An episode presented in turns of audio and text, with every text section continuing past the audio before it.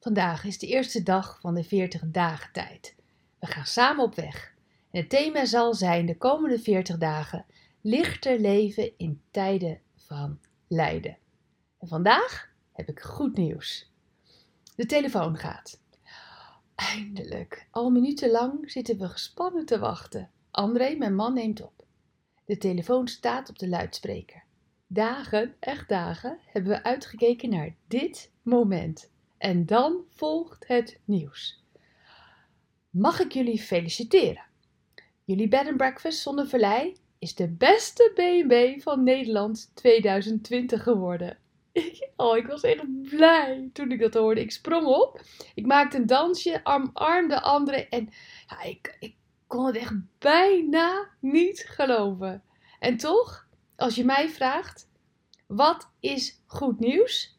Echt goed nieuws? Nou, heb je even?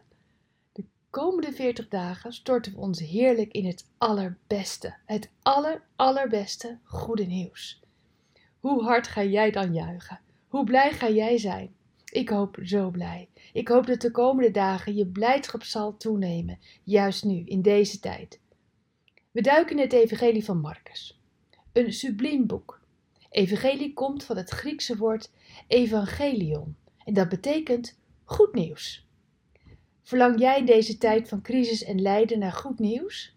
Dan heb ik goed nieuws voor jou. God heeft het namelijk mogelijk gemaakt dat je bij hem mag horen. Hé, hey, dansje in de kamer. En God heeft het mogelijk gemaakt dat je met hem mag optrekken in jouw leven.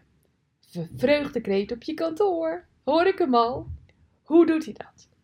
God stuurde Jezus vanuit de hemel naar de aarde zodat jouw leven hemels kan worden hier op aarde. In Marcus 1 lezen we dat Johannes zegt: Na mij komt iemand die machtiger is dan ik. Ik ben het niet eens waard om op mijn knieën zijn sandalen voor hem los te maken. Je kunt het lezen in Marcus 1, vers 7. Johannes voelde zich niet waardig als hij aan Jezus dacht. Maar Jezus dacht er anders over.